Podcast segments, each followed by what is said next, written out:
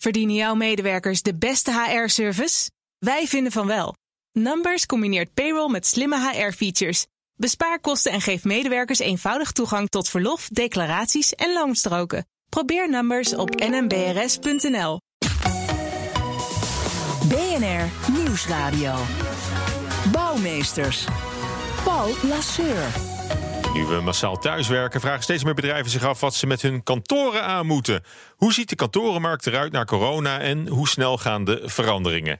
Te gast zijn Babette Bouwman, architect en hoofddesign bij Tetris. Welkom. Hartelijk dank. Hier in de studio. En Niels Kok op iets grotere afstand. Hij is hoogleraar vastgoedfinanciering aan Maastricht University. Welkom, leuk dat jullie er zijn. Dag Niels. Goedemiddag. Ja, hoor, hoor, je mij?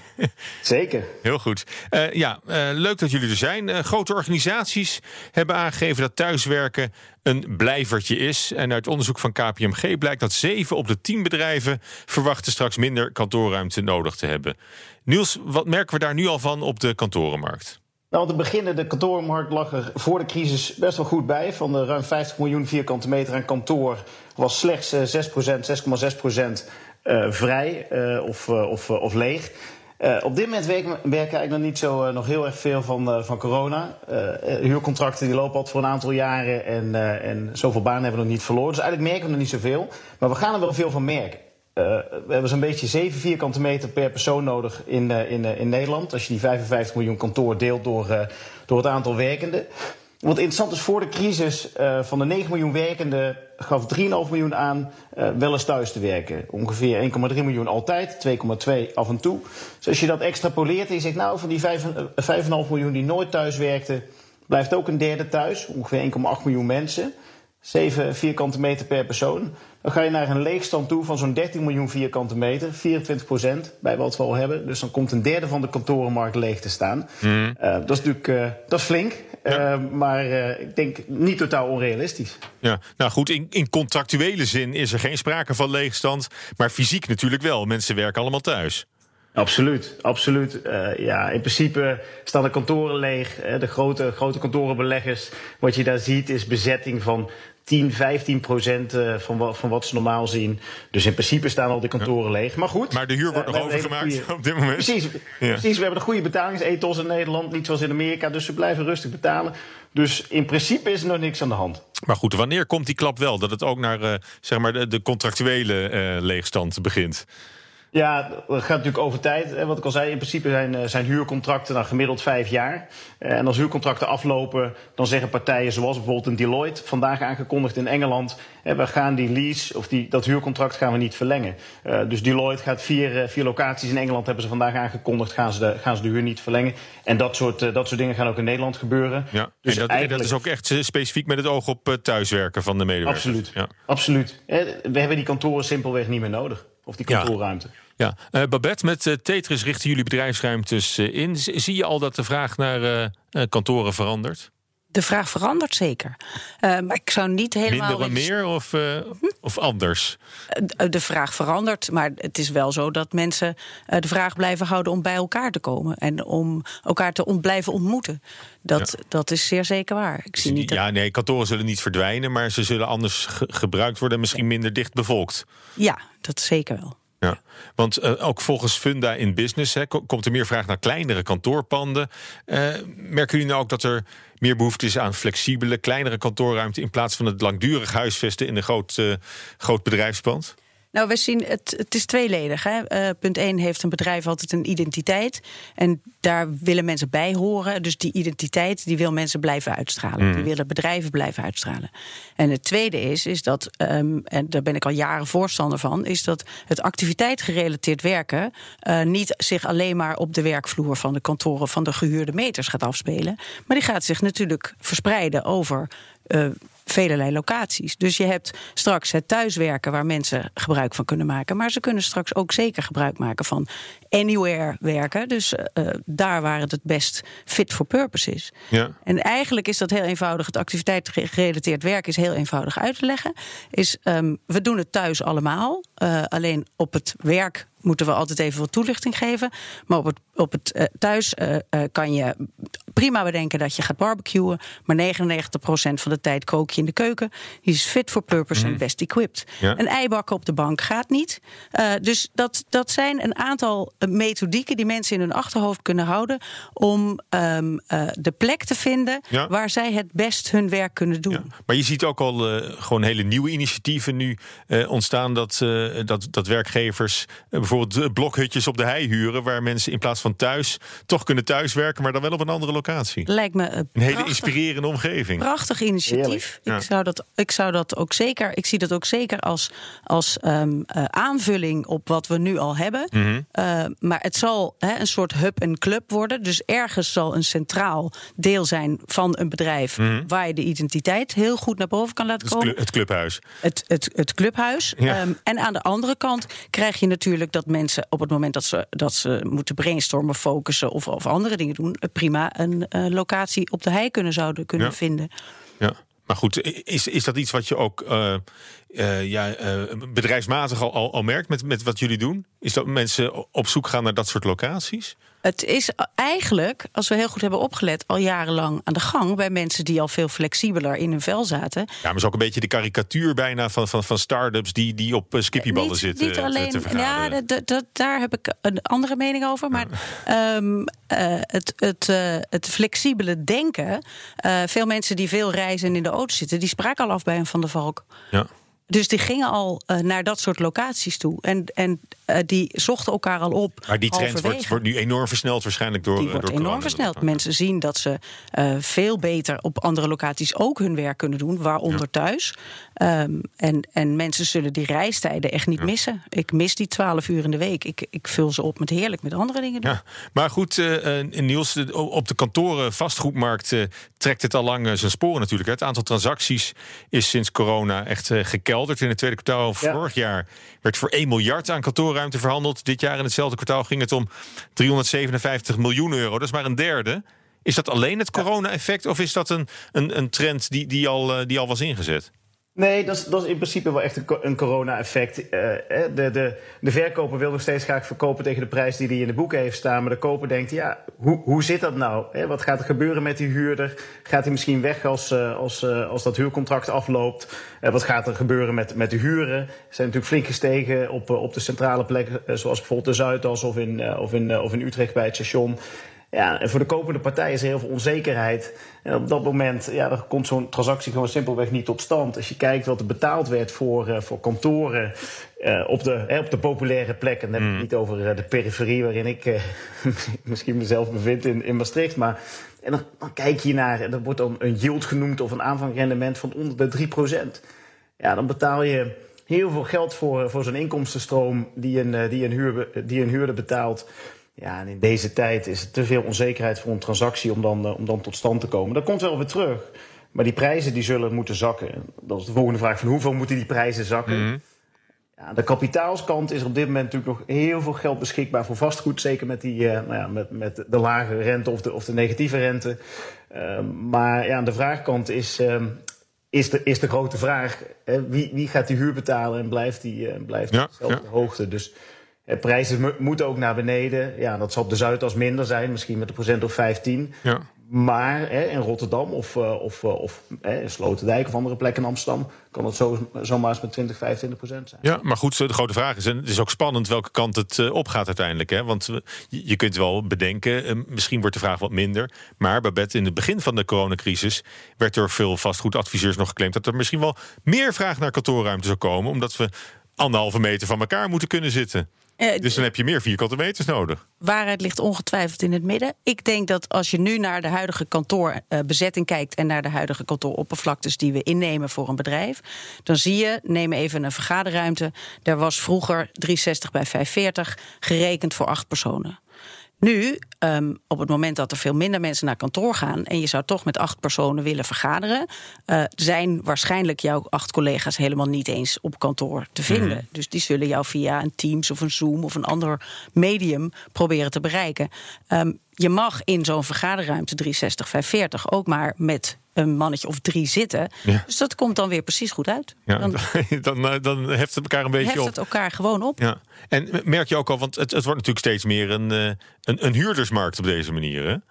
Uh, ik denk dat, dat de kansen voor de eigenaren, die moet, zouden ze niet moeten onderschatten. En ik denk dat het natuurlijk een zorgelijke tijd is voor ze. Maar zij hebben naar mijn idee, uh, vrij lang op hun lauren kunnen rusten. Mm. Omdat de huurder toch wel kwam en betaalde.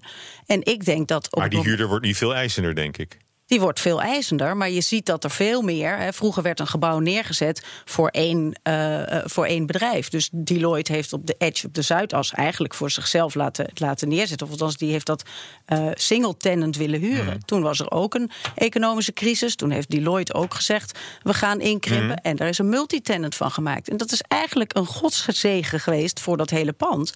Want nu bruist het van de, van de, van de mensen die daar allemaal gebruik van maken. En er zijn heel veel gemeenschappelijke ruimte waar iedereen gebruik van kan maken. En dat, dat is wat mensen veel meer gaan zoeken. Ja, maar gebouw was ook, zei je aan het begin eh, van dit gesprek, uh, is, is, weerspiegelt ook de identiteit van een, uh, van een onderneming hè, die, erin, ja. die erin zit. En dan zit je ineens als, als een heel ander bedrijf zit je in de Deloitte-toren. Ja, en toch heeft iedereen, en dat, dat weet ik, want ik heb er uh, flink aan mogen, aan mogen sleutelen aan dat pand toen de tijd. Uh, voor, voor iedere um, uh, voor ieder bedrijf hebben we daar een andere identiteit kunnen maken. Ja. Ja. Dus dat, het is mogelijk, want, want je ziet nu ook dat per werkvloer je komt ergens binnen en daarna maak je achter de voordeur begint de identiteit van dat pand. Ja. En algemene ruimte worden algemeen ingericht. Ja. En uh, Niels, er zijn voorspellingen dat er straks 40% minder kantoorruimte nodig is. Is dat, is dat ook jouw verwachting? Ja, nou, ik denk dat dat, uh, dat, dat wellicht iets te, iets te pessimistisch is. Ja, uiteindelijk gaan we natuurlijk terug naar kantoor. En is Nederland nog steeds een interessante vestigingsplaats. Ook gerelateerd aan bijvoorbeeld Brexit. Uh, moet ik niet vergeten dat als je kijkt naar de leegstand in bijvoorbeeld Amsterdam. die was wel heel erg beperkt. En dan zit je onder frictie. Oftewel voor een bedrijf, of het nou een start-up is of een corporate. dat zich wil vestigen in Amsterdam. was het wel heel erg lastig. Dus een beetje ruimte op die vastgoedmarkt is eigenlijk niet verkeerd. Kan die spanning er wat af. Uh, 40 procent. Ik denk dat het belangrijker is om te kijken waar komt die leegstand nou. Dat hebben we gezien 10, 15 jaar geleden. Die, die leegstand komt niet op de plekken waar je toch wel vult. En dan kom je weer, hè, dan kom je Utrecht stationsgebied, dan kom je Amsterdam Zuidas, kom je Groningen, de centrale locaties. De leegstand die komt ja, in, in de periferie maar ook bijvoorbeeld Rotterdam, waar de leegstand toch al wat hoger was dan, hmm. dan in bijvoorbeeld Amsterdam. Ja. Dus dat is van belang. Van wat komt er nou leeg te staan en, en is dat dan nog uh, te hergebruiken uh, door, door te investeren? We komen zo meteen, zo meteen nog misschien op de energiediscussie, energielabeldiscussie. Ja. Of moeten we dat gaan transformeren? Ja, en, en nou ja, tijdens de vorige crisis liep die leegstand op tot uh, 17 procent. gaan, ja. we, gaan we dat weer zien of gaan we eroverheen, Babette? Wat denk jij? Uh, ik denk niet dat we daaraan komen. Ik, als ik het al zag hoe snel het gebouw van de Edge, dat nog steeds hetzelfde voorbeeld, gevuld is uh, tijdens de bouw, dan, uh, dan denk ik dat dat. dat ja, maar dat is, dat is zo'n A-locatie waar, waar Niels het ook over heeft, natuurlijk. Ja, of, dan, of, dat, dat is waar jullie uh, je, je bevinden ook? Ik, ik denk dat heel veel um, uh, ontwikkelaars op dit moment, en dat weet ik toevallig ook nog uit betrouwbare bron, maar dat ik met heel veel ontwikkelaars aan het praten ben. En die zeggen: wij willen veel meer um, geïntegreerde gebieden maken. Dus niet alleen een kantorentoren neerzetten, maar gewoon een geïntegreerd gebied. Waar, waar, waar je kan wonen, werken, winkelen. Wonen, werken, hotels, winkelen. Ja. Dus dat worden steden in steden. Ja, nou, nou hebben we een groot woningtekort in, in Nederland. Hè. Is, is dat iets waar, waar je nog wat kan, kan uitwisselen misschien? Hè? Die leegstaande kantoorpanden. Die kunnen misschien uitkomst bieden in, in, in dat dossier. Ja, ik denk dat ja. met de regelgeving uh, een, een, lichte aanpassing behoeft. En dan is het uitwisselen van dit soort modulaire systemen is juist heel, aantrekkelijk. heel erg aantrekkelijk. Ja, Niels, denk je dat ook? Ja, absoluut. We hebben natuurlijk al best wel wat getransformeerd, zeker in de, in de Groot Amsterdam, dat moeten we niet vergeten. En we hebben natuurlijk al uh, onszelf uh, een, een, hoop getransformeerd naar hotels, naar, uh, naar appartementen. ik denk wel dat het echt van belang is, hè, als, als, we het hebben over de Edge, of bijvoorbeeld Edge West, hè, Sloterdijk, waar, waar APG naartoe gaat. Ja, dan hebben we het over A++, dan hebben we het echt over de top van de markt. Uh, goed, hè, daar is vaak naar. Maar we hebben ook een heel groot deel van de markt. wat niet de edge is. En wat label D heeft. En wat uh, uh, luchtbehandelingssystemen heeft. Nou ja, die al wat ouder zijn. En ik denk, ja, daar, daar, daar zien we de leegstand nu al heel snel oplopen, ja. waarschijnlijk. Ja. Exact, exact. Ja, daar is heel lang niet in geïnvesteerd. Dus dat mag een keer. Bouwmeesters. Ja, zometeen praten we hier verder over het coronaproof inrichten van kantoren. Maar nu eerst. BNR Bouwexpo. Met redacteur Lotte Elbrink. Hoi Lotte. Hey Paul. Ja, hoi. We gaan het hebben over een bunker die wordt omgebouwd tot hotel. Dat kan ook. Ja, nou, de duinen rondom uh, Hoek van Holland die staan uh, vol met bunkers uit de Tweede Wereldoorlog. En die vormden samen de zogeheten Atlantic Wall. Dat was een verdedigingslinie die Hitler langs de kust liet bouwen. Nou, en een van die bunkers wordt nu omgebouwd tot een uh, luxe verblijf. Terwijl je een bunker nou niet als eerste met veel comfort associeert, denk ik. Hoe, hoe nee. luxe wordt dat verblijf? Nou, misschien is avontuurlijk ook wel een uh, betere omschrijving. Er komt een uh, leefruimte, een keuken, een badkamer, een toilet. En onder de anderhalve meter dikke betonnen vloer, diep onder de, dieper onder de grond, komt een uh, slaapruimte zonder ramen. En waar je dus alleen via een smalle betonnen trap komt. Dus nou ja, je moet geen uh, claustrofobie hebben. nee, maar het is, het is wel een, een uitdagende leefomgeving in zekere zin. Uh, hoe is dat idee geboren? Ja, die bunkers worden nu vaak gebruikt voor illegale feestjes of als hangplek. De muren zitten ook helemaal vol met gravity en er zijn vuurtjes gestookt. Nou ja, dat is natuurlijk best wel zonde. Uh, initiatiefnemer Peter de Krom die wil daar iets aan doen. En daarom heeft hij uh, dit project in het leven geroepen. Het heet Cocondo. Uh, Peter de Krom komt zelf uit de Hoek van Holland. En uh, hij is sinds zijn jeugd al gefascineerd door de bunkers. Hij was eerst fotograaf in die omgeving. En nu is hij als het ware bunkerherbestemmer. En hij wil ook uh, ja, die oude bunkers dus omtoveren tot vakantiebestemmingen. Maar ook de natuur een kans geven om uh, te herstellen. Nou, misschien ook wel een aardige kantooromgeving, zo'n bunker. Ik zit ja. even naar mijn, mijn gasten te kijken. Uh, het lijkt wel een behoorlijk opknapproject. Hè? Je zei al, die graffiti moeten van de muur. En het is, het is natuurlijk wel oude meuk. Ja, klopt. Ze werken nu aan een pilot samen met een architectenbureau en een uh, interieurontwerper.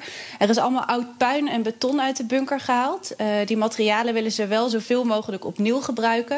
Het gerecyclede beton wordt bijvoorbeeld gebruikt in allerlei duurzame bouwprojecten. Maar ook de nieuwe vloer die onlangs in de bunker is gestort bestaat uit gemalen bunkerkiezels en cement. En van het ijzer uit de bunker zijn ook weer kledinghangers en lantaarns gemaakt. Oké, okay, nou en ik begrijp dus dat, uh, dat dit niet de laatste bunker is die op deze manier onder handen wordt genomen.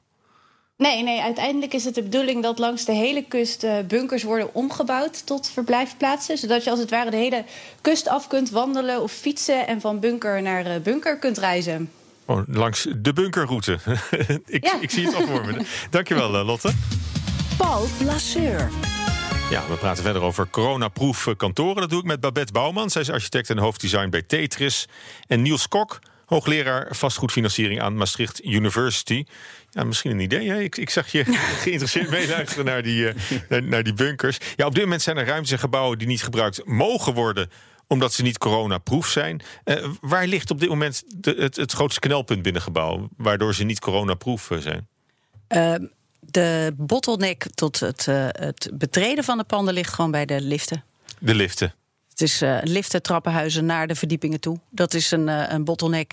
Um, uh, met de verdeling van de werktijden kom je daar ook wel weer uit. Dat is het probleem niet. En je moet een goede routing afspreken. Dus ja, van, van die grote stickers voor, de, voor de deur. Helaas wordt dat van, inderdaad van gebruikt, ja. ja. ja.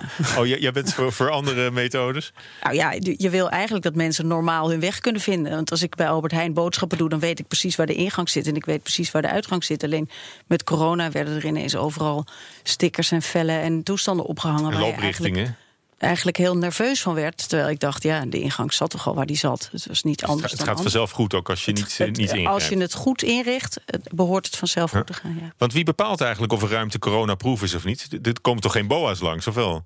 Nee, dat niet. Wij hebben uh, wel uh, wat corona-onderzoeken gedaan. Uh, waarin we um, eigenlijk aantonen aan de hand van vierkante meters, routingen en, en bezettingen achter bureaus. waar je wel en waar je niet veilig mag zitten. Maar punt 1 is natuurlijk zo dat een bedrijf moet bepalen tot op welke hoogte hij zelf de veiligheid wil garanderen en voelen. Dus het, het, plaatsen van desinfecterende zeepen in vergaderruimtes geeft mensen een veiliger gevoel. Mm. Uh, uh, of het een schijnveiligheid is ja. of niet. Dat en als, als die, als die potzeep er staat, dan, dan gebruiken mensen, mensen vanzelf zich. al. Er hoeft er geen bord bij van Precies. Nee, dat... hier handen desinfecteren. Ja. Want uh, Niels, zie je al, ook al daadwerkelijk dat er gebouwen leeg staan omdat ze niet vo voldoende coronaproof zijn? De vraag is, willen mensen terug? En hè, dus een, een, gebouw kan helemaal coronaproof zijn. Maar als ik me niet op mijn gemak voel, dan ga ik niet terug. En dat kan ook te maken hebben met luchtkwaliteit. Het is, er is discussie, kan COVID nou via de lucht verspreid worden? de grote groep onderzoekers zegt ja. Ja, en is dan die luchtkwaliteit wel afdoende als ik terug ga naar mijn werk, dat ik niet de deeltjes inadem die een ander net heeft uitgeniest? En dat, is, dat is nog wel een hekelpunt. Ja, je hebt onderzoek gedaan, begrijp ik, naar die gezonde kantooromgeving, de luchtkwaliteit binnen gebouwen. Wat is daar de conclusie van? Ja, dat is belangrijk, want voor, voor COVID en voor corona was, uh, was een gezond gebouw ook wel een onderwerp van discussie. Eigenlijk als een verlengde van, uh, van duurzaamheid en energiezuinigheid. Uh, wij onderzochten de impact op medewerkers van, van verhuizen naar een gezond gebouw met, met goede lucht, goed, goed, goed licht. En wat we vonden is dat eigenlijk de gepercipieerde ervaring en productiviteit van mensen significant omhoog ging. echt significant met, met ruim 30 procent. Maar belangrijk ook, hun ziekteverzuim uh, ging omlaag met 2%. En dat is voor de werkgever natuurlijk ook prettig. Uh, je, je, biedt een gebouw aan wat fijn is voor je medewerker. En je ziet vervolgens ook dat productiviteit omhoog gaat en ziekteverzuim omlaag. Ja. Maar dat was eigenlijk vanaf de, de, de negatieve kant ingestoken, volgens mij. De sick building, dat is iets waar we vanaf wilden. Ja, absoluut. Alleen ik, ik, denk dat we ons misschien vergissen in het aantal gebouwen wat, uh, wat, uh, wat dan goed is. Hè, waar we allemaal gezond naar binnen gaan en, gezond weer naar buiten lopen. Uh, we hebben niet allemaal de Edge en de Edge West, et cetera, als, als kantoor waarin we werken. Sterker nog, de meeste mensen die naar kantoor gaan hebben dat niet. En heel veel kantoren, uh, daar loop je toch wel uit met, met, droge, uh, met droge rode ogen, met wat hoofdpijn. Kan te maken hebben met je baas of met je baan. Maar in grote mate heeft dat toch ook te maken met de lucht die je ademt en met, met, ja, met het licht wat je de hele dag uh, in je gezicht hebt. Al dan niet, al dan niet vanaf buiten. Ja. dus dit is wel echt een, een realistische situatie op de Nederlandse kantoormarkt. Ja, want hoe hoog staat de luchtkwaliteit op het lijstje van, van opdrachtgevers, Babette? Uh, over het algemeen staan dit soort dingen niet op lijstjes van opdrachtgevers. Nee? Het is zo dat wij, wij, als ontwerpende partij uh, moeten mensen er vaak op attenderen. Of, of wij, Zullen we ook nog wat aan, aan de luchtkwaliteit doen? wij, zorgen, wij zorgen er altijd voor dat uh, akoestiek is een enorm belangrijk punt hm. binnen de tegenwoordig in de inrichtingen. Um, licht en verlichting is ongelooflijk belangrijk. De, het thermisch comfort is altijd al een hekelpunt geweest. Is voor niemand hm. gelijk. Voor een vrouw en voor een man niet in dezelfde ruimte. Dus dat is altijd een, een, een discussiepunt en een punt van aandacht. En zo zien wij wel meer dingen die, die eigenlijk met duurzaamheid en eigenlijk met een gezonde leefomgeving en een gezonde werkomgeving te maken hebben. Die, uh, die, moet, je, die moet je in je ontwerpen altijd uh, uh, voor jezelf in ieder geval in ogenschouw nemen. Ja. En, en Niels, wat, wat, denk je dat er straks gebeurt met gebouwen die naar de nieuwe maatstaven eigenlijk onvoldoende rekening houden met, met onze gezondheid? Kunnen we die afschrijven? Ja, nou ja, kijk, afschrijven is een groot woord. Ik, ik vind de vergelijking met energie, energielabels wel een goede. We hebben gezegd, uh, minimale energielabel moet C zijn. En als je daar niet aan kan voldoen, uh, dan moet je gaan investeren. En bij, is dat kantoor dan niks meer waard als het label D of E heeft? Jawel, nog steeds, maar er moet in geïnvesteerd worden. hetzelfde geldt eigenlijk voor gebouwen vanuit een, een coronaperspectief. Gebouwen die niet voldoen aan de eisen. en dan denk ik toch wel nog steeds veel aan, aan luchtkwaliteit en, en, en routing. die zullen moeten gaan investeren. Ja, en dan zullen er ook gebouwen zijn waarbij dat niet uh, de moeite loont. Als er een miljoen geïnvesteerd moet worden in het vervangen van, van de klimaatinstallatie. Ja, dan weegt dat wellicht voor een aantal gebouwen niet meer op tegen, uh, tegen de voordelen die je eruit haalt. Um, en dan zal je het gebouw afschrijven. Nou, dan ga je het wellicht herbestemmen of renoveren of afbreken. Ja. Uh, maar dat is, dat is wel een realistische situatie waar we, waar we naartoe gaan. Ja, concluderend, uh, heel, heel kort alle twee. Als we de balans opmaken, waar op de kantorenmarkt zal corona voor de grootste verandering gaan zorgen? Wat denk jij, Babette? Uh, de reden dat je naar kantoor gaat. Dat is uh, uh, dus de purpose, de new purpose. Ja, en Niels? Ja, zeker het, het laag, midden tot laag segment van de kantoormarkt gaat onder hele grote druk komen te staan. En dat heeft gevolgen voor de financiers ervan. Dus die ING's en de Rabo's, et cetera. Maar ook zeker voor de beleggers in die kantoren. En, en daarvan zijn er heel veel privaat. Dus, dus daar gaat nog pijn gevoeld worden. Er wordt nog pijn uh, geleden. Maar uh, we zien het ook wel een beetje met vertrouwen tegemoet, volgens mij. Hartelijk dank voor dit gesprek. Babette Bouwman, architect en hoofddesign bij Tetris. En Niels Kok, hoogleraar vastgoedfinanciering aan Maastricht University. En tot zover BNR Bouwmeesters. Tips en verhalen kunnen naar bouwmeesters.bnr.nl of via andere social kanalen. En deze uitzending is terug te luisteren als podcast via de BNR-app en bnr.nl. Tot volgende week. Verdienen jouw medewerkers de beste HR-service? Wij vinden van wel. Numbers combineert payroll met slimme HR-features. Bespaar kosten en geef medewerkers eenvoudig toegang tot verlof, declaraties en loonstroken. Probeer Numbers op nmbrs.nl.